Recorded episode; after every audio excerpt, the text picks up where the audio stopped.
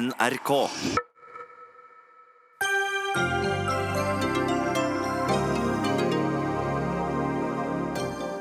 Vi må endre matproduksjonen helt hvis vi skal bremse klimaendringene, sier FN.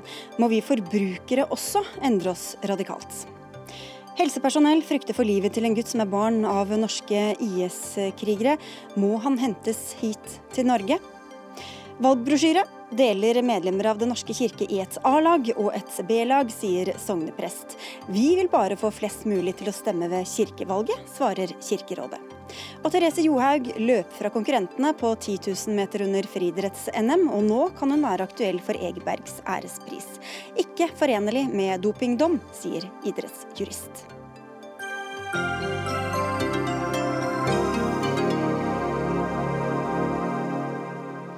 Dette er Dagsnytt 18, og jeg heter Sigrid Solund.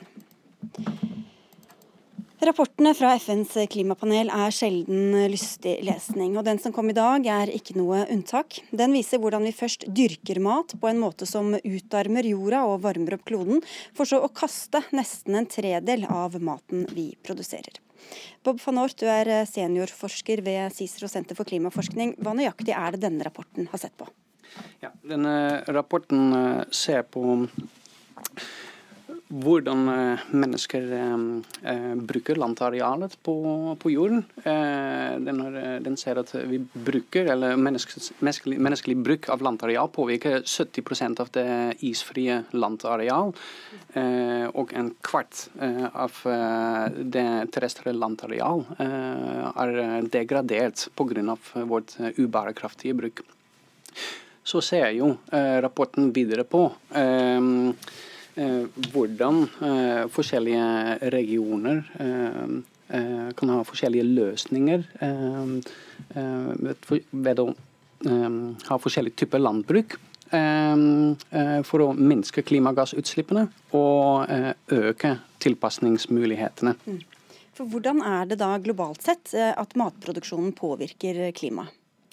Eh, matproduksjon påvirker eh, klimaet i veldig stor grad. Eh, matproduksjon, hele, ja, matproduksjonen har en, påvirker rundt 25 utgjør rundt 25 litt under det, av de totale globale utslippene.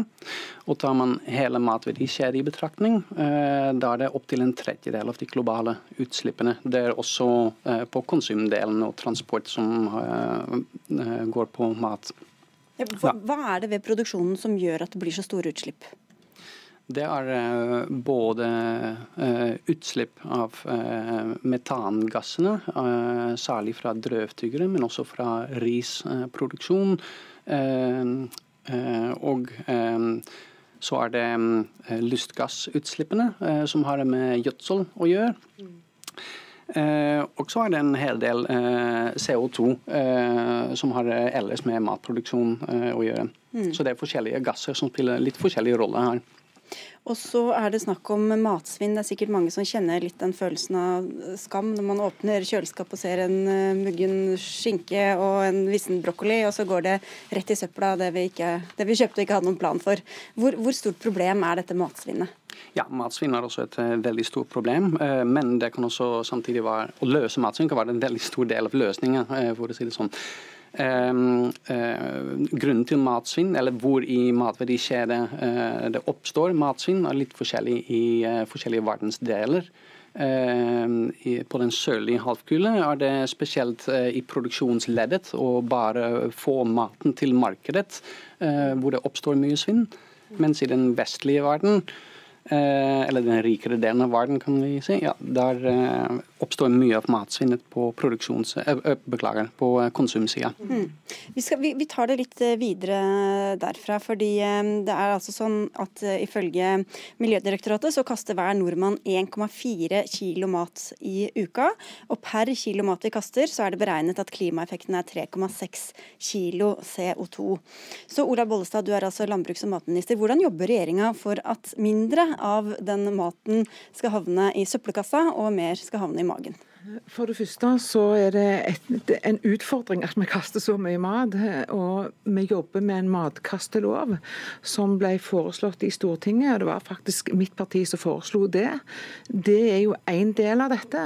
Så har vi gått, inngått en bransjeavtale med ulike både produsenter, butikkjeder, eh, leverandører, sånn at vi òg istedenfor å kaste maten, bruker maten. Det er òg industri. Jeg har vært på besøk hos eh, industri som eh, f.eks. lager kjøttkaker, men de bruker grønnsaker i det. De bruker grønnsaker som vi ellers ville kaste, fordi det var ukurante størrelser som ikke passer inn i den korga du og meg absolutt vil ha i butikken. Så vi jobber ganske iherdig med å ta alle ledd. Og så at det er noen som òg vil ta imot den maten, og i stand til å ta imot den maten som ellers vil kaste. Ja, for det er jo sånn, altså En del av det forsvinner i butikken, eh, men en del av det forsvinner også i norske hjem, som jeg nevnte. Une Bossom, du er nasjonal talsperson for Miljøpartiet De Grønne. Hvorfor tror du at så mye havner så lett i, i søppelkassa? Nei, det er nok flere grunner til det. Um, en veldig åpenbar ting handler om kunnskap. Um, min generasjon har ikke lært spesielt mye på skolen om hvordan vi tar vare på maten når vi først har kjøpt den inn. Vi har lært ganske mye om hvordan vi skal gjøre oppvasken og hva slags oppskrifter, eller hvordan vi skal følge en oppskrift, matoppskrift. Um, så der trenger vi jo kunnskap. Uh, men jeg tror også det at matprisene er så lave i Norge i forhold til inntektene, det er vi nødt til å ta inn over oss. At det har en veldig høy pris. Det er en høy pris for miljøet og klimaet. Det er også en høy pris for dyrene, som er levende vesener i landbruket. Uh, og det er en høy pris for bonden bonden som har et høyt prispress og volumpress på seg. Og jeg mener at Det er helt åpenbart en del av løsninga både på de miljø- og naturutfordringene rundt landbruket og på, på klimautfordringene, eh, er at vi er nødt til å satse veldig tydelig på de små og mellomstore brukene, som ikke er avhengig av store, tunge maskiner som pakker jorda hardt og gjør at du frigjør mer CO2 også fra landbruket. For det er en del av utslippene som kommer fra det. Det er jo da sånn at ganske mye også tilsvarende av norsk landbruk, hvor, hvor mye prosent av klimagassutslippene kommer fra landbruk? Eh, Landbruk det blir eh, sånn, ja, Jordbruk har 8,5 eh, av de norske utslippene. Eh, mat blir jo litt ja. mer enn det, og vi importerer en del mat selvfølgelig også. Så det ligger en del utslipp knyttet til mat i utlandet. Men, men, vi produserer altså masse mat som ingen spiser, Sandra Borch. Og bøndene får da uh, produsere masse som, som, som, ikke noen spiser. Hvorfor skal så mye mat havne i søpla, og kan da økte matpriser være et, en løsning på det? Eh, jeg, jeg glemte kanskje å si at du er stortingsrepresentant for Senterpartiet.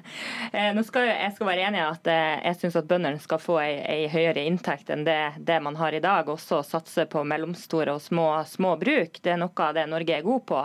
Eh, men samtidig så vil jeg advare mot å bare sette opp prisene når man ser den handelslekkasjen eh, man i dag ser til Sverige. Det vil gjøre at vi får mer import, vi får mer grensehandel. Det ser vi også direkte konsekvenser av. Eh, Regjeringas sukkeravgift, at grensehandelen øker. Vi er nødt til å ta vare på den gode matjorda som, eh, som vi har dyrka opp i Norge. Og så må vi huske på at denne rapporten tar utgangspunkt i hvordan vi skal bruke landarealet vårt på en mest mulig fornuftig måte. Kun 3% av Norges jord er dyrka mark. Kun 1% av den dyrka marka er egnet for å produsere eh, grønt, grønt, på. Derfor mener jeg at vi skal utnytte de 3% og også nydyrke for å gjøre det nettopp Norge er god på klimasmart landbruk. Ja, det er flere ting her, eh, men, men en ting er jo at vi har, altså Momsen har vi også på importert mat. så Det er jo ikke sant at du må velge mellom å eh, ha matpriser som faktisk gjenspeiler eh, hva skal man si, den prisen det faktisk koster da, å produsere mat, og det å ha handelslekkasje. Det vi kan gjøre blant annet er jo, som Miljøpartiet De Grønne foreslår, å fjerne momsen på frukt og grønt, vegetarmat, økologisk mat. altså Vi gjør en politisk prioritering av det vi ønsker at folk kjøper mer av. Og så gjør vi det dyrere med kjøtt. og Det mener vi ikke skal gjøres gjennom en avgift på produksjonsleddet, men i momsen. Mm. Og Da fører det også til at det blir lettere for folk som ønsker det, å velge det miljøvennlige alternativet. Eh, det gjør at det er lettere å velge det som også helsemyndighetene anbefaler oss. Ja, for Her er det et stort overlapp på det. Så hvorfor ikke gjøre det billigere å velge det sunne og det klimavennlige, og dyrere å velge det som både skader kroppen og miljøet? Eh, for det første så har jeg lyst til å si vi, vi anbefaler jo å ha ganske gode kostholdsråd i Norge. Og jeg er ikke i tvil om at vi òg kan bli bedre på det. Vi vet at vi men, spiser for mye kjøtt, ja, eh, og ja, at vi men, men, da har altfor høye eh, klimagassutslipp og, ja, og kaster masse mat. Så her kan det være en sammenheng. Ja, men det kan godt være en sammenheng, men vi trenger òg å ha en varierte kost. Og så har jeg lyst til å si at det, i forhold til å få prisene, om de skal gå opp, så handler det òg om at vi har et produksjonsledd som skal bidra til at vi har norskproduserte mat, som er den kort, mest kortreiste maten for oss. Og vi bor i et høykostland.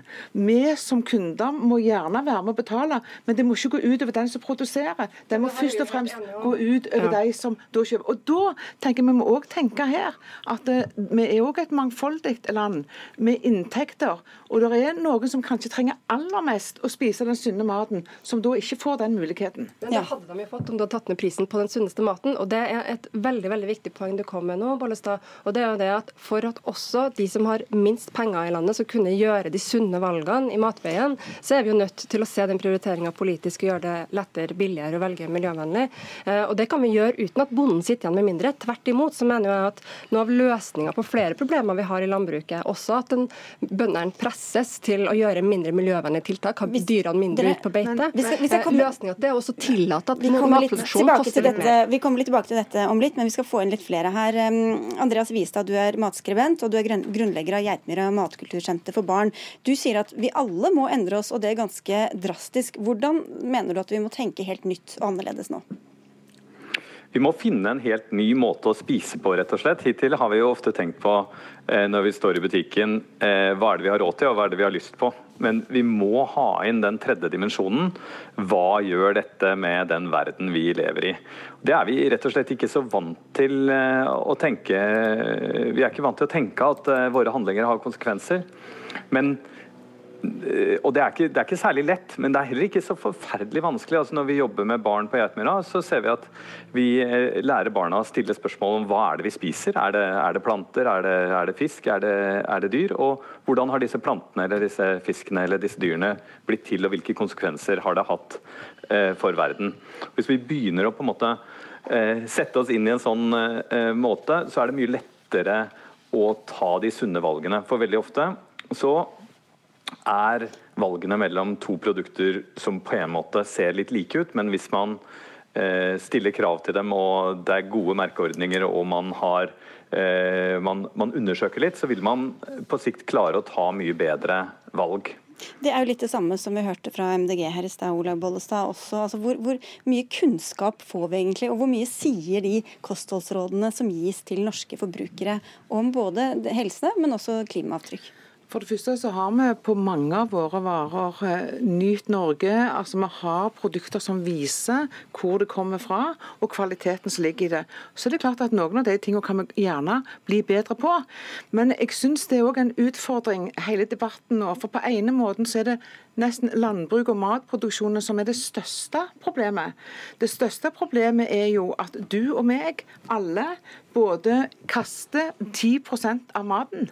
Med, med, ja, men jeg bare snakker ferdig. Og den som kanskje merker klimautfordringene aller mest, det er den som produserer maten. Når det regna vekk i fjor, og når det tørka, nei, tørka vekk i fjor og regna vekk året før.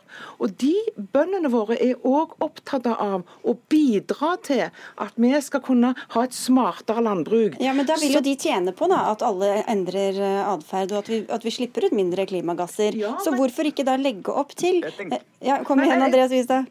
Jeg tenker, at, jeg tenker at vi har en, en fantastisk mulighet i Norge som kanskje er helt ulik noe annet land. Vi har en veldig spesiell landbrukspolitikk. Og selv etter eh, seks år med blå-blå regjering, så er det nærmest ufor... Jeg har lagt en mm. veldig streng plan her, så du må vente litt, vente litt, med det. Men da til deg, ja, Borch, du kan jo få komme inn her du også. Eh, det med kunnskap vil jeg bare si er veldig viktig. Eh, og Det har vi jo visst mange eksempler på her. Og så skal vi huske at det er veldig mange kommuner som har satt i gang pilotprosjekter på skoler som, eh, som er å hente inn mat som er best før dato, altså gått ut på dato, som vi liker å si i dag. Men hvor ungene da får lukte, føle seg til om maten er, faktisk er gått ut på dato eller ikke. I tillegg etableres det en rekke matsentraler som gjør at man får utlevert eh, mat og kan være med til å, til å bidra matsvinnet. Og Det tenker jeg er viktige tiltak å bygge opp under, sånn at kommunene også får penger til sånne typer tiltak. Veldig lite kommentar til uh, noe som ble sagt før om, uh, om lokalmat og Nytt Norge og sånne type ting. Uh, når det gjelder utslipp av mat, så er transport det utgjør et relativt lav del av matutslippene. Så lokalmat er ikke det viktigste. Nei, for det kan være vel så klimavennlig å kjøpe noe, en biff fra New Zealand som å For liksom- eksempel. Ja. For, forbrukerne er det nok enklest å forholde seg til fire kategorier av mat. fra høyest til lavest så har drøvtygget kjøtt det har det høyeste utslipp. Så kommer ost og sånn type meieriprodukter. Deretter, mye lavere, kommer svin, kylling og fisk. Og så har vi grønnsaker, korn og frukt. Og, ja, og, og hvordan, vet, hvordan, hvordan, blir måte, norske forbrukere opplært i dette? Bollestad? Det er, jo, det er jo en del Hvis vi går til jordbruksforhandlingene da, som et eksempel, så i det, dette året her så snudde vi noe av det. For vi så at grønt og frukt er det vi ikke engang er selvforsynte på. Vi gjorde ikke det samme til det vi var selvforsynte på. Vi snudde kutte støtteordningene for å få våre bønder til å produsere mer norsk frukt, norsk grønt og norske grønnsaker. Men problemstillingen er jo òg at norske forbrukere de må òg lære seg til å være kloke på å kjøpe den norske frukta, de norske grønnsakene, når vi har den korte vekstperioden som vi har i vårt land. Og så vet du, du skal få slippe til, Vi skal ha en, enda en person her. fordi Det er jo ikke alle som, som går i butikken og lukter på maten og er på, eh, hos bonden eller kjøper kortreist eh, svin. Det er mange som kjøper halvfabrikata og som eh, står og svetter over frysedisken og lurer på hva de skal ha til middag den dagen. Og Johanne Kjus, du er altså bærekraftansvarlig i Orkla Foods Norge. Dere selger altså millioner av måltider til nordmenn, enten det er ferdigpizza eller gryteretter eller suppeposer. Hvilket ansvar har dere i, i nærings, altså næringa deres for at vi kaster så mye mat? Vi kjøper masse, og så kaster vi det. Vi har et enormt stort ansvar både for at eh, sant, vi må jo redusere vårt matsvinn i vår verdikjede. Eh, og vi har satt som mål at vi skal redusere matsvinnet vårt med 50% Men den viktigste delen er jo å lære opp forbruker både til det med best før, ofte god etter. Mm. Eh, og at vi kan bruke, og bruke maten som er i kjøleskapet, og ikke kaste den. Og ikke få matrester. Da har dere også tatt, eller dere har begynt på en slags klimamerking av deres egne varer? Ja, det som vi mener, og det er liksom vi snakker om i forhold til det med, med klima. Vi har nøkkelhullsmerke, og vi har veldig mange merkeordninger for økologisk osv. Eh, men vi har ingen merkeordning for hva som er klimavennlig mat. Eh, og det mener vi at det er på tide at vi får. Vi energimerker kjøleskapene våre, så vi vet hvor mye energi hvert kjøleskap er. Men vi har ikke noe klimamerking av produktene i kjøleskapet. Så det vi har gjort nå, er at vi lanserer et klimamerke på våre Toro-produkter. For at vi skal veilede forbruker til å spise mer klimasmart mat. Hvorfor har vi ikke det, Bollestad, en sånn nasjonal ordning? Nei, Jeg syns det er en god idé. og jeg tenker at Det er noe av det jeg tar med når vi har fått til en klimaavtale med norsk landbruk, med begge organisasjonene i norsk landbruk rett før sommerferien. Så kan dette òg være en del av dette, opp mot foredlingsindustrien, som er en del av norsk landbruk. Men jeg har òg lyst til å si at det, det, det er jo en kjede som henger sammen og vi er nødt for å ikke bare legge hele ansvaret enten over på landbruket. Dette er en kjede som er, og Det viser jo denne rapporten. Dette er ganske sammensatt. Vi som forbrukere, vi som stat eh, og produsentene og landbruket er mer enn noen opptatt av å få til dette med kunnskap og presisjonslandbruk, som faktisk gjør at vi kan nå de målene vi har satt oss. Akkurat når det gjelder landbruket, så har jo faktisk regjeringa gjort ganske mye for å stille krav til landbruket. Så faktisk akkurat nå mye mer bekymra for at regjeringa skjøver det ansvaret over på bøndene og landbruket, og ikke stiller opp med de virkemidlene som trengs. Det handler om penger til å gjøre den omleggingen av landbruket som kutter utslipp, men også bidra til at forbrukerne endrer atferden, sånn at det som er mest klimavennlig, også det bonden kan produsere. For Når bøndene er flinke til og, og har som motto, så er det at de skal produsere det forbrukeren vil ha. Og Da må vi politikere tørre å si at vi ønsker at du kjøper, og vi heier på det deg når du velger miljøvennlig, når du velger grønt, når du velger eh, sunt, når du velger vegetarisk foran kjøtt. Du trenger ikke gjøre det hver dag, men vi heier på deg når du gjør det, fordi det er bra for kloden og det er bra for fellesskapet. Nei, og det vi vet er at Forbrukere ønsker å spise mer klimasmart mat, men de vet ikke hvordan. Vi har gjort en undersøkelse som viser at ni av ti norske forbrukere vet ikke hva som er klimavennlig mat når de går i butikken. Og Det er derfor vi mener at det må en bransjestandard og en bransjemerkeordning til for å få til dette. Men ved det forrige som ble sagt her, Vistad, ja da skal du få komme igjen, Vistad, til dette det, det, som jeg avbrøt deg Det som er den gode nyheten, er at noe av den mest bærekraftige maten er noe av den beste. Men vi ser at at vi i Norge har et veldig spesielt landbruk som vi er med på som en del av et spleiselag. Men vi er ikke alltid så flinke til å stille krav til at det landbruket skal være bærekraftig. At eh, jeg har vært på gårder som ligger langt unna, hvor det er et mirakel at det fortsatt er lys i vinduene, og at melkebilen kommer og henter. Det er bra for kulturlandskapet, men disse dyrene lever i veldig stor, eller altfor stor grad av Eh, kraftfôr som er laga på eh, at man har kutta ned regnskogen i Amazonas, og at man har gitt dem korn som kunne vært mat for mennesker. Og da tenker jeg at Når vi har den spesielle landbrukspolitikken vi har i Norge, så burde vi ha enda mer krav til at det drives på en bra måte. For det er jo sånn at vi burde spise mindre mindre kjøtt, men det er sånn at vi burde produsere det kjøttet vi produserer, på en bedre måte. Og vi må slutte å å se på dette med økologisk mat og bærekraftig mat som et motefenomen, et litt dyrere merke. Fordi det er sånn at eh, ja, det er riktig at det er mange utslipp fra kjøttproduksjon, men det er også sånn at hvis du driver beite på en god måte, så kan du drive karbonbinding i jorden. Så det fins faktisk kjøtt som er Eh, eh, eh, som er eh, karbonnegativt. Og det, jeg kjenner en griseprodusent som gir grisene sine ikke kraftfôr som er laga på soya og korn, men bare mat som ellers ville bli kastet fra butikken. Den type landbruk, mm. den type eh, eh, kjøttproduksjon, er faktisk veldig bra men, for miljøet. Men sånn er det altså ikke lagt opp til i tilskuddene, Sandra Borch. Jeg kan jo spørre deg. Da. Hvorfor skal en, en, ku som står på bås og spiser kraftfôr fra Brasil, eh, eieren få like mye tilskudd som en som, til en ku som går rundt og beiter på norske enger? Eh, det vi må absolutt legge opp til, er jo at vi har norsk matproduksjon på norske ressurser. Og det er jo akkurat det som er så sårbart i Norge i dag. Kun 3% av vår jord Jo, men det var ikke svar på spørsmålet. Jo, men det er jo svar på spørsmålet. For kun 3% av jorda vi dyrker i dag, er dyrka mark. Altså det gresset dyrene skal spise. Eh, og Det er jo det han tar opp i forhold til kraftfôr her. Vi er nødt til å satse enda mer på dyrka mark, på å produsere gress til de dyrene som vi produserer okay. kjøtt minst ja, vi, skal få, vi skal få en forsker her også. Takk skal du ha. Ja, eh, det, det, er nok en eh, misforståelse, og debatten raser nok videre her, egentlig, men det er et generelt misforståelse at beit, gressbeitende dyr har lavere utslipp enn kraftfôrspisende dyr. Mm. Kraftfôr har gjort at dyrene er mye mer produktive og produserer dermed mye mer kjøtt Eh, for de samme utslippene de har. Så utslipp per kilo er mye lavere for kraftfôrspisende dyr. Beite så klart binder også karbon, og det gjør også skogen. Mer enn beite, faktisk. Både under jord og ja, altså, over. Utmarksbeite er jo en av eh, nøklene her. og Der tenker jeg at vi er altfor eh, ikke-differensierte. og Det dumme med det er at Eh, vi kommer jo til å fortsette å spise kjøtt. Vi burde spise mindre kjøtt i framtida. Ja, og da er det veldig viktig at man skjønner at det er forskjell på skjønner. gode og mindre okay. gode måter å produsere kjøtt på. Da spør vi få Basse Mosenka Bollestad. Ja. Nå er vi inne på landbrukspolitikken. Det er artig å diskutere. Og, og et egentlig helt stort eget kapittel. Hvordan vi innretter subsidiene. Vi bruker veldig mye, eh, og det er veldig smart at vi gjør, eh, vi bruker veldig mye statsstøtte på, en, på at vi skal ha en norsk egen matsikkerhet. Men vi må bli mye mer opptatt av hva slags matproduksjon vi da inviterer til. For som Sandra Borch sier, så har vi veldig lite areal i Norge vi kan dyrke. Så det er utrolig viktig at den, den jorda som vi faktisk har til å dyrke, dyrke frukt og grønt, poteter, eh, grønnsaker og belgvekster, mm.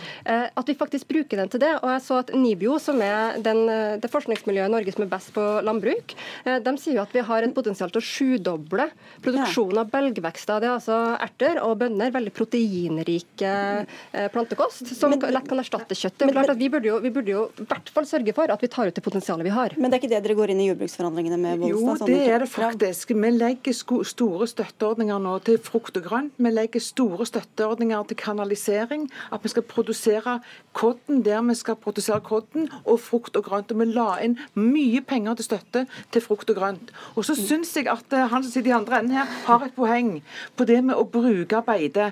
Fordi vi har et potensial for å bruke 1 milliard mer i, i kroner og øre på beite og utmarksbeite. Og til slutt har jeg lyst til å si. Vi har stor forskning i Norge som går på hvordan kan vi bruke proteiner og soyaolje som er produsert her, istedenfor å importere okay. og i fôret til dyr. Vi må avslutte. Dere kan få to sekunder hver her på tampen. Nei, ikke alle, bare Kjus først. Jeg tror det har en enormt mye større effekt enn bare det med landbruket å endre forbruket, kostholdet vårt. Eh, og da må vi klimamerke produktene våre, så vi vet hvilke utslipp det er. Så hva er det viktigste grepet vi kan ta for Nort? Eh, det er både å eh, kutte matsvinn og det er å endre kosthold. Når vi endrer kosthold, kan vi endre vår produksjon, produksjonsmåter, bli mer bærekraftig på det. Og for å knytte litt mer tilbake til landrapporten sjøl, som går på mye mer enn bare mat. Hvis vi endrer eh, landbruket eh, og matproduksjonen i Norge, så kan vi faktisk få større arealer eh, til skogplanting og bioenergivekst, som igjen har en positiv klimaeffekt. Så vi må gå litt i oss selv alle sammen. Takk skal dere ha for denne lange runden, alle sammen. Bob von Ort og Olag Bollestad og Une Basson, Sandra Borch, Andreas Wiestad og Johanne Kjus.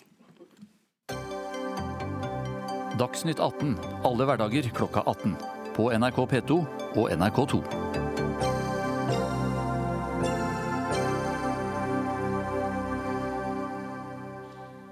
Både politikere og veldedige organisasjoner har krevd at eh, Norge skal hjelpe en syk fire år gammel gutt som sitter i flyktningleiren Al-Hol i Syria. Gutten er barn av norske IS-krigere, og i 2017 vurderte en syrisk lege at gutten trolig har den alvorlige sykdommen cystisk fibrose. Uten behandling er det sjelden at man lever lenger enn sju år med denne sykdommen. Foreløpig har ikke norske myndigheter eh, villet hente ut denne familien. Og Njål Høstmeldingen, du er direktør ved International Law and Policy Institute. Hva sier jussen om eh, hva som er mulighetene eller, eller påleggene i denne situasjonen? Jusen jussen er ikke helt krystallklar, og det er mange forskjellige aktører. Det er både barnets rettigheter, som barnet selv har menneskerettigheter, rett til å bo sammen med sin familie, rett til eh, best mulig helsehjelp f.eks. Moren har menneskerettigheter, rett til ikke å bli utsatt for tvang, eller eh, rett til også å bo sammen med sin familie. Men det som er problemet med særlig menneskerettighetene her, er at selv om barna og moren, eller barna og moren er norske, så oppholder de seg utenfor norsk territorium. Og Da er det norske ansvaret ganske begrenset. Det er et ansvar der, det er noen linjer, men de linjene er ganske tynne og små. Men ansvar er jo noe annet enn mulighetene. Hva er de juridiske mulighetene? Ja, Det var det, da. Så du kan snu på det. Og de juridiske mulighetene de begrenses også av virkeligheten. Men de juridiske mulighetene her eh, er for meg litt sånn uklare. Det kommer litt igjen an på hva fakta er. Mm. Hvis det er sånn at moren eh, må frasi seg barnet for å komme hjem, så er de juridiske mulighetene ganske begrensa.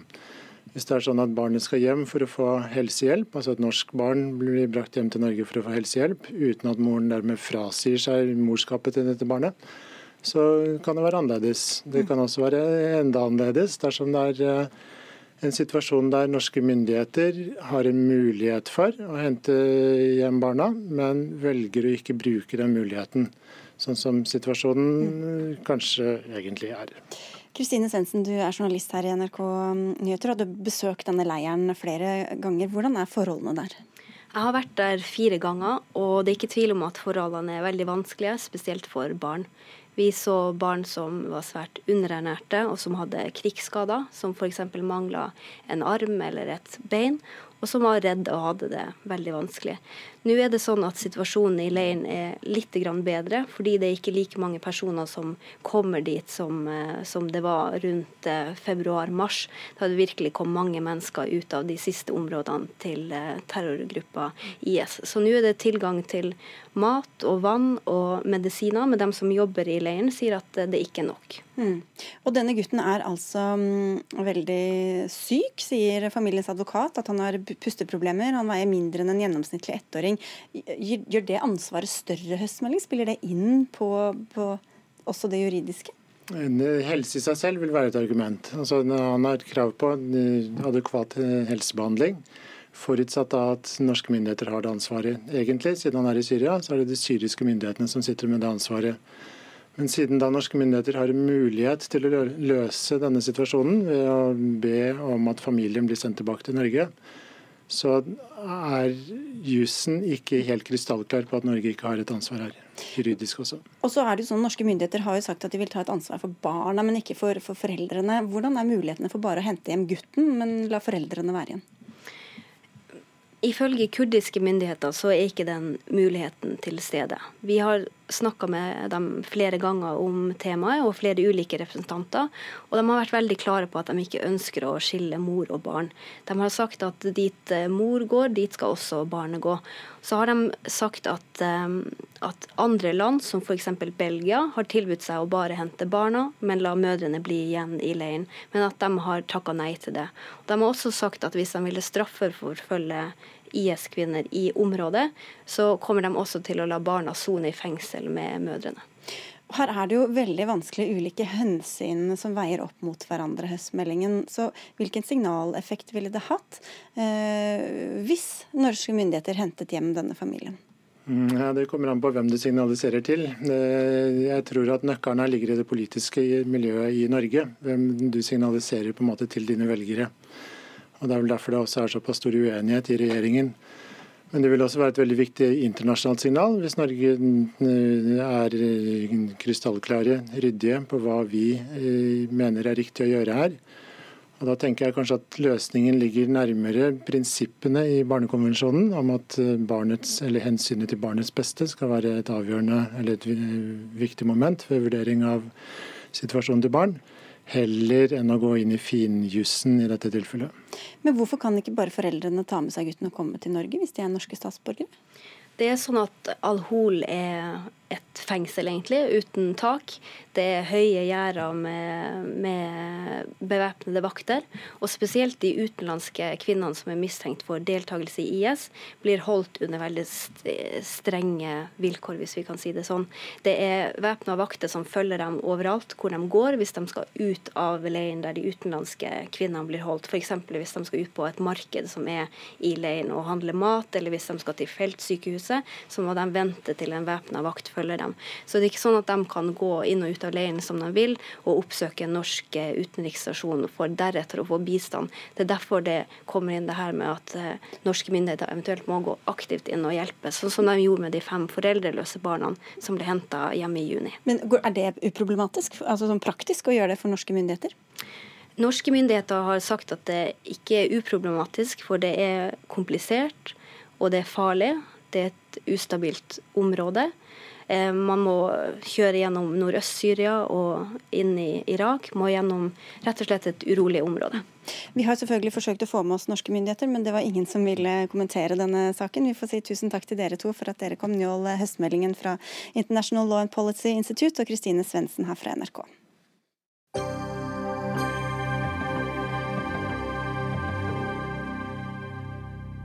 Vi spør om Therese Johaug fortjener den høythengende Egebergs ærespris etter at hun ble dømt for doping, men det skjer først senere her i Dagsnytt 18.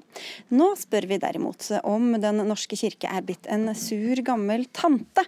Det spørsmålet ble stilt etter at Kirkerådet sendte ut en valgbrosjyre til 3,1 millioner medlemmer av Den norske kirke. Målet er å få flere til å stemme ved kirkevalget som avholdes samtidig med kommune- og fylkestingsvalget i høst.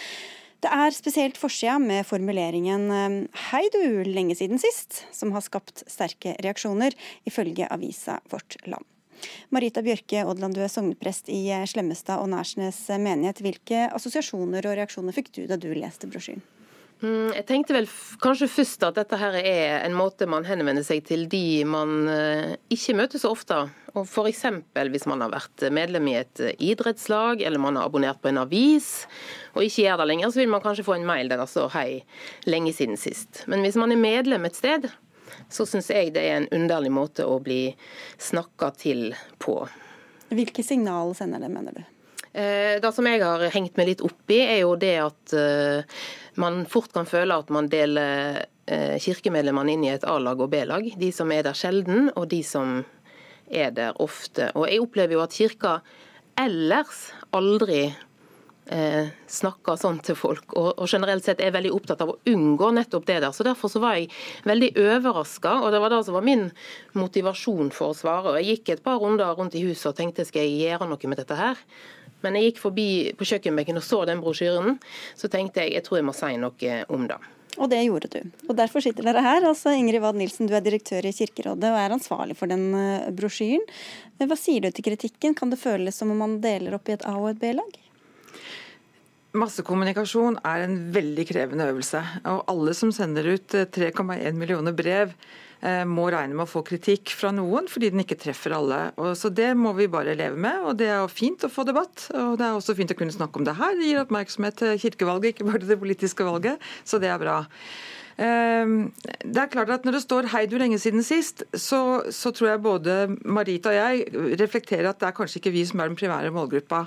Og Det vi prøver å oppnå, som er målsettinga med denne valgbrosjyren, er jo å få opp valgprosenten. Ehm, og Da må vi henvende oss til de vi ikke når til vanlig. Ehm, og Da må vi av og til bruke andre virkemidler. og jeg synes det er altså, Noen må våge å si ting på en litt annen måte, hvor, og det er det vi har prøvd. Hvordan tror du det oppleves da for den som egentlig skulle, skulle vært oftere i kirken, men det er ikke, og så får jeg dette, dette budskapet i postkassa? Altså, dette har jo ikke vi snekra på bakrommet. Dette har vi fått kommunikasjonsfaglig hjelp til. Eh, og Det er testa ut på brukergrupper for å se hvordan dette oppleves. Og Jeg tror det er ganske lenge siden folk ble støtt av en sånn formulering, særlig hvis du faktisk blar om. For der står det jo nettopp Uansett skal Kirken være et sted for tro og tvil, ettertanke og trøst, et rom for deg. Så den er jo inkluderende med en gang du snur arket, og det er store bokstaver, så det er ikke langt du må lese for å få med deg det budskapet. Det, det, må du. men, men, det er jo faktisk sånn at 70% av medlemmene i kirka ikke går oftere enn kanskje når det er bryllup eller begravelse eller dåp. Så hvorfor, hvorfor, ikke da stille det betimelige spørsmålet lenge siden sist? Mm. Eh, heldigvis er det et spørsmålstegn her, da, sånn at uh, vi kan velge å svare ja eller nei på det spørsmålet. Uh, og jeg er jo helt enig i at vi har en kjempeutfordring i forhold til å nå ut til medlemmene våre. Men de er, de er, jo, de er jo, medlemmer, og de er der på sitt forskjellige vis. Og vi som er ute i felten og som møter kirkegjengerne, enten de er der hver søndag eller i begravelse eller i et bryllup, så opplever jo vi at kirka betyr utrolig masse for de, de gangene de er der. Og, og, Derfor så tenker jeg det er så viktig å ikke skape den eh, avstandsfølelsen. Og, Det som er litt interessant med dette, er jo at det er veldig mange folk fra forskjellige leirer om vi kan si det sånn, som har eh, gitt respons til meg på at de tenkte akkurat det samme. Det, dette var en rar måte å kommunisere på. Og Det er folk som sagt i forskjellige leirer. og Det sier meg noe om at denne her eh, måten å kommunisere på ikke har slått helt an hos noen. Altså, det, har, det har helt sikkert slått an hos noen, men, men eh, det, det, er mange som reagerer på, i, i mange forskjellige leirer på måten å formulere seg på. Og Noen har reagert også gjennom avisa Vårt Land. Det er en press som sier at brosjyren har et skampåføringspotensial. En annen sier at den kan virke passiv-aggressiv. Og en tredje tidligere som nevnt kalte det at Kirken opptrer som en sur, gammel tante. Mm. Ja, Vi har mange meningssterke prester i denne kirka, og det er fint. og De gjør en kjempejobb hele året, og det setter vi stor pris på. og Det er de som opprettholder at kirka fins ute i lokalsamfunnene. Men av og til tenker jeg, siden jeg også selv er prest, at det kan jo hende at vi også skal slippe til annen type kompetanse. Og kompetanse for massekommunikasjon, det er ikke spesiale til prester. Så er det ikke nettopp det, det de holder på med hver søndag? Er, ja, 3,1 millioner er de færreste som når hver søndag.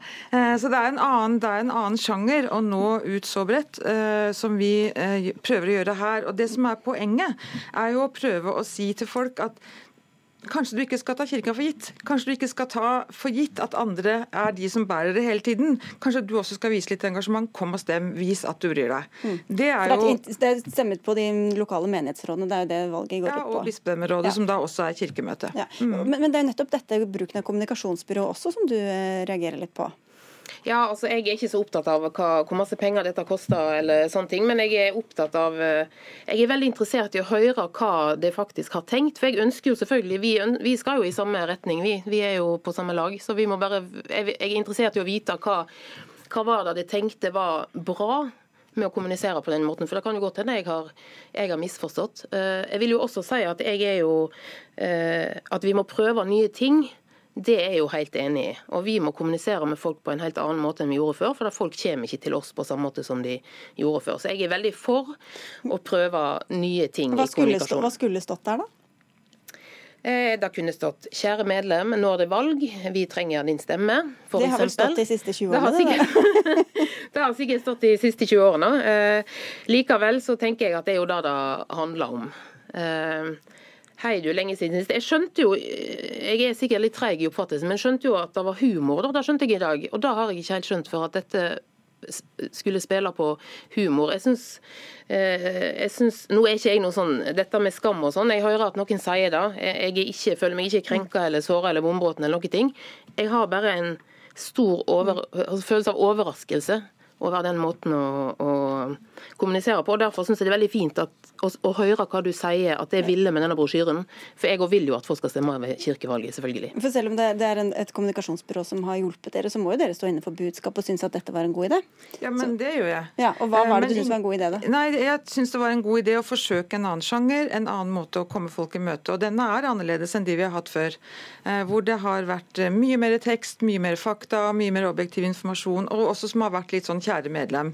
Så det er jo det vi gjør hele tida. Dette er et forsøk på å gjøre noe annet. Og det som jeg syns er viktig, er å skape det rommet for innovasjon, sånn at faktisk vi ikke mister motet på å prøve. For det er ingen som vet om dette fungerer godt eller dårlig. Det, det må vi evaluere i etterkant. Men jeg heier på liksom Noen må ta den risikoen det er å faktisk forsøke å kommunisere på nye måter. Og med en valgdeltakelse på hvor mange prosent? Ja, 16,7, så den er ikke så dårlig, skjønner du. Men, eh, men, vi vil gjerne opp, og da må ja. vi i hvert fall få de 70 prosentene som vi ikke når ukentlig, de må være med å stemme. Og det er viktig. Det er jo helt enig at det er jo superviktig. Ok, Da får vi ta det, avslutte dere ved, ved enigheten. Takk skal dere ha begge to. Marita Bjørke Odland som er sogneprest, og Ingrid Wann Nilsen som er direktør i Kirkerådet.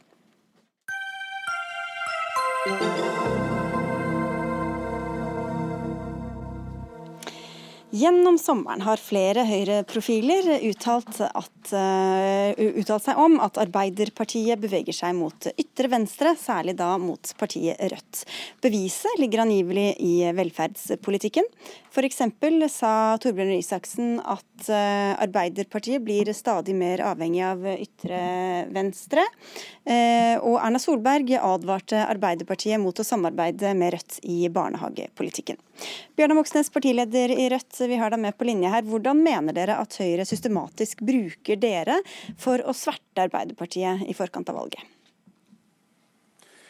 De prøver nok i hvert fall uh, å skremme uh, velgerne med å si at Arbeiderpartiet beveger seg i uh, vår retning, når Arbeiderpartiet nå varsler en litt mer tydelig linje i kampen mot de kommersielle i velferden. Men sannheten er jo at det som skjer, er at Arbeiderpartiledelsen sakte, men sikkert beveger seg i retning der opinionen og folkeflertallet står. 61% av befolkninga mener at man ikke skal tillate at private selskaper tar ut profitt fra drift av bl.a. sykehjem, barnehage og skole. Eh, KrFs velgere er det flertall mot profitt i velferden. Senterpartiet har et landsmøtevedtak mot profitt i barnehagene. Så realiteten er at eh, Høyre står for et mindretallsstandpunkt. Vi prøver altså å karakterisere og stemple og utdefinere vårt standpunkt som noe ekstremt, som altså er svært langt fra den virkelige verden. La meg bare minne alle om at vi har diskutert profitt og velferdspolitikk gjennom kanskje la meg si 180 ganger i sommer, eller noe sånt, men vi prøver å, ta Endelig litt fakta på bordet. og det må snart Høyre Endelig. Tusen takk, Bjørn Moxnes. Ja. Um, men la oss holde litt fast i denne retorikken. Mathilde Tybring-Gjedding, Gjedding, Gjedde, um, du er altså stortingsrepresentant for Høyre.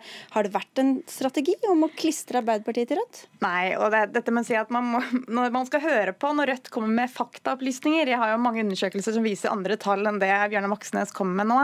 Men nei, dette har ikke vært en strategi for Høyre. Det har jo derimot vært en veldig uttalt strategi fra Arbeiderpartiet. For de har jo selv sagt at de ønsker å være en tydeligere stemme på venstresiden. Og det er jo bare et år siden hvor partiledelsen i Arbeiderpartiet gikk ut og sa at nå er det ikke lenger flere lærere og tidlig innsats vår hovedkampsak, men rekommunalisering av alt fra omsorgstjenester til rengjøring til matlaging og søppelhenting. Jo, men disse sitatene, altså for, Jeg nevnte noen fra dine partikolleger. Du har skrevet i et innlegg at det er ganske surrealistisk at Arbeiderpartiet har kopiert Bjørnar Moxnes, argumenterer som om det offentlige bør overta alt av tjenester og produksjon. Du satt her i dette studio for en ukes tid siden og sa at for oss som er glad i den norske velferdsmodellen, er det urovekkende for at Rødt har fått gjennomslag for sin politikk og retorikk også utover sine egne partigrenser, og viste i hvert fall indirekte til Arbeiderpartiet. Mm, så da er det jo en eh, Er det helt tilfeldig at dere stadig nevner Rødt og Arbeiderpartiet i en og samme setning? Nei, det er det jo ikke. Det er jo fordi at vi, vi vil jo vise frem at det er nå har skjedd en endring i, i Arbeiderpartiet, som vi ser i de byene hvor de styrer, både på Rødts nåde, men også faktisk i de byene hvor de styrer, styrer selv. Og I 2017 så sa Jonas Gahr Støre veldig tydelig vi er mest opptatt av å stille kvalitetskrav. I likhet med Høyre så mener vi at når endringer skjer, f.eks. i barnehagesektoren, skal vi stille nye, tydelige kvalitetskrav. Men nå så har tonen snudd. Nå diskuterer man, eller man tør ikke å svare på, man vil forby, forby profitt. Og til og med Bjørnar Moxnes innrømmer jo at i de byene hvor de styrer sammen med Arbeiderpartiet, og jeg siterer Bjørnar Moxnes, er Ap i lomma på Rødt. Så det er jo Bjørnar Moxnes er åpenbart enig med Høyre i at Arbeiderpartiet er godt til venstre. Vi skal slippe til Arbeiderpartiet, men bare først for å få en avklaring her. Moxnes, du er enig i at Arbeiderpartiet har beveget seg mot venstre, men du bare mener at det skyldes sunn fornuft og klare fakta? Var det sånn å forstå? Eh, det er utvilsomt sånn at eh, Rødts styrka posisjon i byer som eh, Oslo, Bodø, Tromsø er helt avgjørende for at Arbeiderpartiet sakte, men sikkert beveger seg i retning av der folkeflertallet står, nemlig at man sier at eh, skattepenger bevilget til ja, felles velferd skal gå til okay. formålet, det det og ikke til privat profitt. Så vi, vi, beveger dem, men faktum er at det er et standpunkt som eh, flertallet deler. Mens Høyre står i en, eh, en posisjon med mindretallet for, for profitt i velferden, som de fleste mm. ikke ønsker seg i Norge. Okay. Nils Kristin Sandtrøen, du er stortingsrepresentant for Arbeiderpartiet. Er du enig i Moxnes, med Moxnes i at Høyre bruker Rødt for å skremme velgere som vakler mellom, mellom dere og, og Høyre? Vi har opplevd mange strategiske utspill og retoriske krumspring fra Høyre i sommer. Men realiteten som ikke har vært oppe ennå, det er jo samfunnsutviklinga som vi ser, og hvem som faktisk henter ut penger fra velferdskronene våre. Ja, og Det må vi få med i debatten, for det er ganske grunnleggende. Ja. Og det som er... Men Var du enig med Moxnes i hva skal vi kalle det, analysen eller utspillet? Ja, Det er nok en strategi fra Høyre, men vi er jo mer opptatt av å diskutere realiteten i samfunnsutviklinga. Og det som er problemet nå, det er jo at større større multinasjonale oppkjøpsfond kommer inn og tar ut skattepengene fra deg og meg og alle andre som er her i bygget og ellers i Norge. Og da er vi tilbake til debatten som vi har hatt mange ganger. Men nå Nei, skulle vi prøve å diskutere hvorvidt dere også har beveget dere mot venstre i, den, i, i dette spørsmålet. Jo, men Det er der resonnementet mitt fortsetter. For du kan si at Det som nå skjer med store internasjonale oppkjøpsfond som kommer inn og tar over og forsøker å lage private monopoler av norske barnehager, det er noe nytt i samfunnsutviklinga. Og det gjør jo selvfølgelig at vi må si klart ifra. Det skal være offentlige og ideelle som driver velferden i Norge. Det har Arbeiderpartiet alltid ment. Og Det er noe som vi kommuniserer tydelig i denne valgkampen. og vi er jo bare glad okay, for... Dere, dere, du sier at deres politikk i dag er nøyaktig den samme dere hadde for ti år siden f.eks.? Ja, men det som er poenget mitt, er at det har ikke vært det store problemet som vi nå ser, med at det sitter folk i karibiske øyer, henter ut okay. Eh, skattekroner, har aldri satt sine bein i Norge, aldri bidratt med en velferdskrone. Det kan vi naturligvis ikke ha. Det er svært dårlig økonomistyring. Og det er ganske oppsiktsvekkende at Høyre har det ytterliggående standpunktet. Nå, nå lo de både fra, fra Rødt og til Høyre her her, eh, Ja, altså Hvis det er riktig, så vil jo de heltene som sto bak barnehageforliket, da ble jo de lurt trill rundt. For de ble nettopp lovet at de kunne satse sine egne penger, bygge opp barnehager. Og hvis det gikk bra, som det dessverre ikke gjør for én av tre private barnehager, de går faktisk med underskudd, så skulle de få lov til å tjene noe på det. Men så er jeg helt enig i at det har vært en utvikling f.eks. i barnehagesektoren. Nå er det jo litt spesielt å kalle det et monopol når den største barnehagekonsernet har 4% av norske barnehager. Men allikevel så har det vært en utvikling.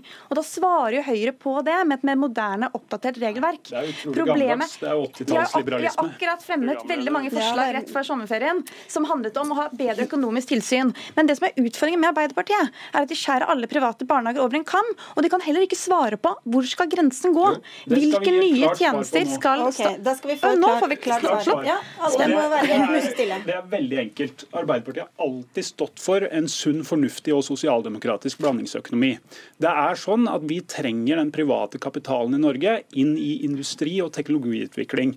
Den felles velferden vår, skole, barnehager, eldreomsorg, det må vi ha kontroll på sammen, i tillegg til et supplement av ideelle. Ja, men ideelle, ser, men ikke, ikke, andre private enn ideelle? Våre kommunestyrerepresentanter kommer til å kjempe for felles styring og ideelle. Forbud. Dere er ikke på Rødts linje? Nei, fordi dere... Problemet med et sånt forbud er jo at det fort ender som et papirvedtak og symbolpolitikk. For vi vet jo at når de rikeste personene på kloden kommer inn og skal drive eldreomsorg, så gjør de ikke det for idealistiske grunner. Ja, de vil okay, hente ut profitt, og det gjør de uavhengig om det er gjennom eiendom, internlov eller andre okay, former greit. for å hente ut penger. Vi, vi skal slippe til. Du kom med et klart og tydelig fnys her i stad, Bjørnar Moxnes.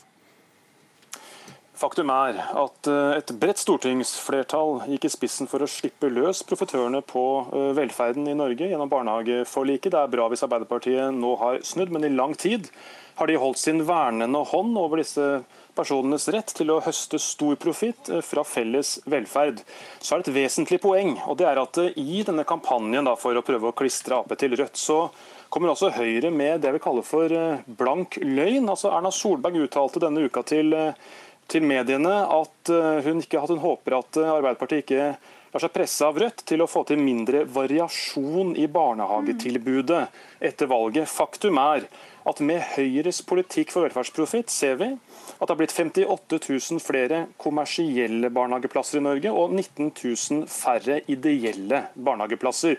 Så faktum er at eh, Tybring-Gjeddes politikk fører til kommersiell ensretting, monopolisering og utradering av de private, ideelle ildsjelene av velferden. Det er et faktum som eh, Høyre er veldig klar over, men som altså åpenbart velger seg se bort ifra i sin eh, kampanje mot Rødt, basert på usannheter, blank løgn og faktaforvrengning. Okay, svare kort på det. Nå er fordelingen mellom offentlige og private barnehager rundt, eh, rundt 50% Det tror jeg Bjørnar Kommersiell versus ideell, ja, men... som jeg har snakka om 500 ganger. Det er forskjell på kommersielle barnehager og ideelle barnehager. Men, det vet du meget men, men, men, da er mitt spørsmål, Hva er det forskjell på? Ja, det er forskjell på eierform, men ikke på kvalitet. Det men de tar jo ut enorme summer i profitt fra barnehagene, det er, forskjellen. Riktig, er de høster profitt. Nei, nå må jeg få lov. Ja, greit. Nå må du slappe av litt, Bjørn Moxnes, så skal Tybring-Gjedde få fullføre setningen. og så skal vi... Første, mange av de store barnehagekonsernene i Norge har ikke tatt ut en krone i utbytte, og det vet også Bjørnar Moxnes. Sannheten er at én av tre barnehager går med underskudd, som er private. I tillegg så er overskuddet rundt 4% Altså Det er ikke stort profittmarked, nettopp fordi de private barnehagene får ikke en krone mer enn de kommunale. De får ikke en krone mer. enn de kommunale. dere, dere ja, jo, men da, vet du, men litt avslutningsspørsmål. Dere, nå må Moxnes Ja, ja, ja, jeg hører du bruker navnet mitt, det hjelper ikke. Du, vet hva, jeg skal stille spørsmål til Arbeiderpartiet avslutningsvis, for vi har eh, folk som venter på å komme inn her. Si, hvem er du mest enig med her, da? Rødt eller Høyre i barnehagepolitikken og, og såkalte velferdsprofitørene? Du vet at Arbeiderpartiet det er Norges største parti med mange tusen medlemmer. ja, og men... vi avgjør politikken vår sammen demokratisk. Så spørsmålet når de har veldig sterke meninger om Arbeiderpartiet, burde vel heller være motsatt. Jo, nei, hvem er mest enig med Arbeiderpartiet? Ja, men spørsmålet mitt var hvem du var mest enig Da kan jeg bare trekke inn ett element helt nei, på slutten. Nei, det får du ikke lov til, fordi jeg stilte et spørsmål. Nei, men, men da er det bare å si det at Arbeiderpartiet er partiet for en sunn, fornuftig og sosialdemokratisk blandingsøkonomi. Alle som vil lese flere slagord, kan eh, logge seg inn på arbeiderpartiet.no. Takk skal dere ha, alle tre. Mathilde Tybring-Gjedde fra Høyre, Nils Kristen Sandtrøen fra Arbeiderpartiet og Bjørnar Moxnes fra Rødt. Hør Dagsnytt 18 når du vil. Radio NRK.no.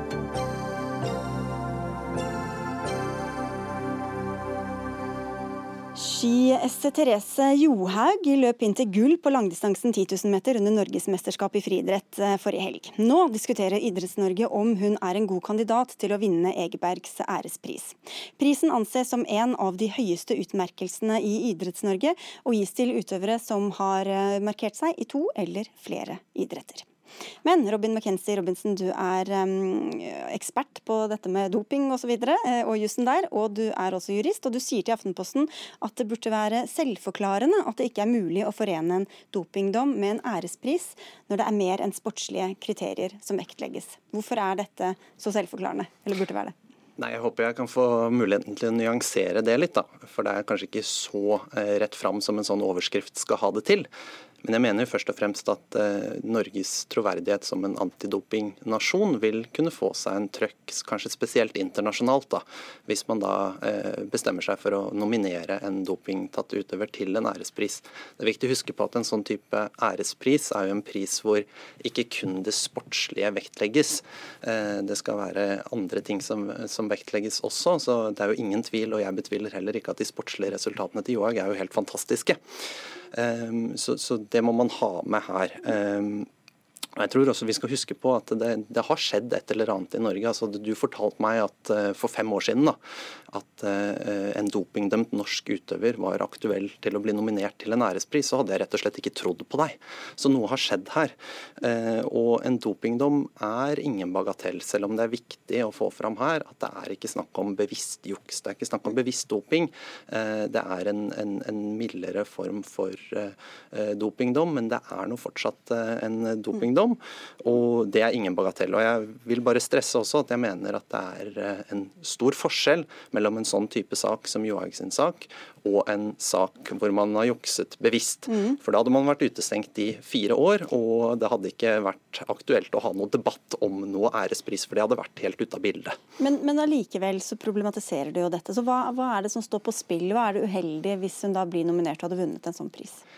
Jeg tenker at eh, vi, vi, må, vi, står ved et lite veiskille her. Altså før, før, så har jo Norge vært eh, veldig kategoriske, kanskje både på, på, på godt og vondt. Men eh, vi har med å gjøre med en, med, en, med en, dopingsak, og det kommer vi ikke unna. Hun er dømt i høyeste instans til en ikke ubetydelig utestengelse. Og det tror jeg vi må ta inn over oss, selv om det er vår yngling og selv om det er vår stjerne. Så jeg tror vi ser den mekanismen i Norge nå som man har sett tider, tidvis i andre land tidligere, at vi, vi eh, legger en litt, annen, mulig, en litt annen standard til grunn eh, når det gjelder våre egne stjerner og de vi mm. liker aller best. og Det mener jeg er uheldig. Anette Bø, du vant Eggbergs ærespris i 2000, og du har vunnet verdensmesterskapet i langrenn. Hvis hun blir nominert, da, Johaug, hvordan bør juryen vurdere det ut fra hva vi har hørt her? For det første så håper jeg virkelig at eh, hun blir nominert. Eh, hun eh, er en fantastisk idrettsutøver. Eh, og så må jeg samtidig si at som, at som tidligere idrettsutøver jeg er fryktelig glad i henne. Og det hun presterer, både som menneske og som idrettsutøver. Hun har sonet en dom som på en måte var hva skal jeg si, den var i forvarlighet. Altså, det, var ikke noe som hun gjorde med viten og vilje. Altså, verdens beste skiløper går og doper seg når du er verdens, verdens beste skiløper i utgangspunktet. Så um, jeg kan ikke se at, at utlendinger skal eh, måtte bry seg over en norsk pris. Dette er en norsk ærespris. Det har ikke noe med noen noe utenlandske utøvere å gjøre overhodet. Dette er Norge og en men, men, på det. Mm. Men hvordan, Hvilket signal sender det eh, om hvor alvorlig vi tar doping og arbeidet mot doping, dersom hun skulle få en sånn utmerkelse? Nei, eh, igjen, det er jo en, en, en, norsk pris. Jeg ser ikke problemet med at, eh, at på en bry seg på det. Altså, hvis en østerriker som er tidligere på en måte i doping eller en annen utlending på sykkel eller på en måte får en utmerkelse, sonet en dom, mm. eh, har vært uforvarlig, altså har det vært en mening eller ikke mening. Det er det, det, er det som er det utanleggende her. Mm. Det norske folk jo Therese. Hun har ikke gjort dette med viten og vilje. Nei, og det var du jo inne på, McKinsey Robinson. Men hvorfor skal de bry seg i det hele tatt om hva vi driver med her på berget? Nei da, Jeg er i og for seg helt enig i det, men Johaug er en idrettsutøver som Bø var inne på, av en så si, stor dimensjon. Hun er en internasjonal stjerne, i hvert fall vinteridrettsstjerne. Så jeg tror nok det fort kan nå ut uh, over landegrensene. Og jeg tenker at uh, jeg er helt enig med Bø. altså Hun har absolutt ikke dopet seg med vilje.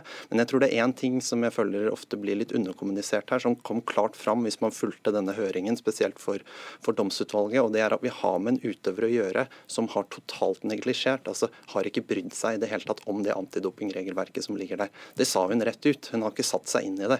Og Det tenker jeg er et problem. Og Det eh, ser kanskje ikke nordmannen som leser det med norske briller, denne dommen, men jeg er redd utlendinger gjør det. Eller jeg er ikke redd for det. Man burde se det.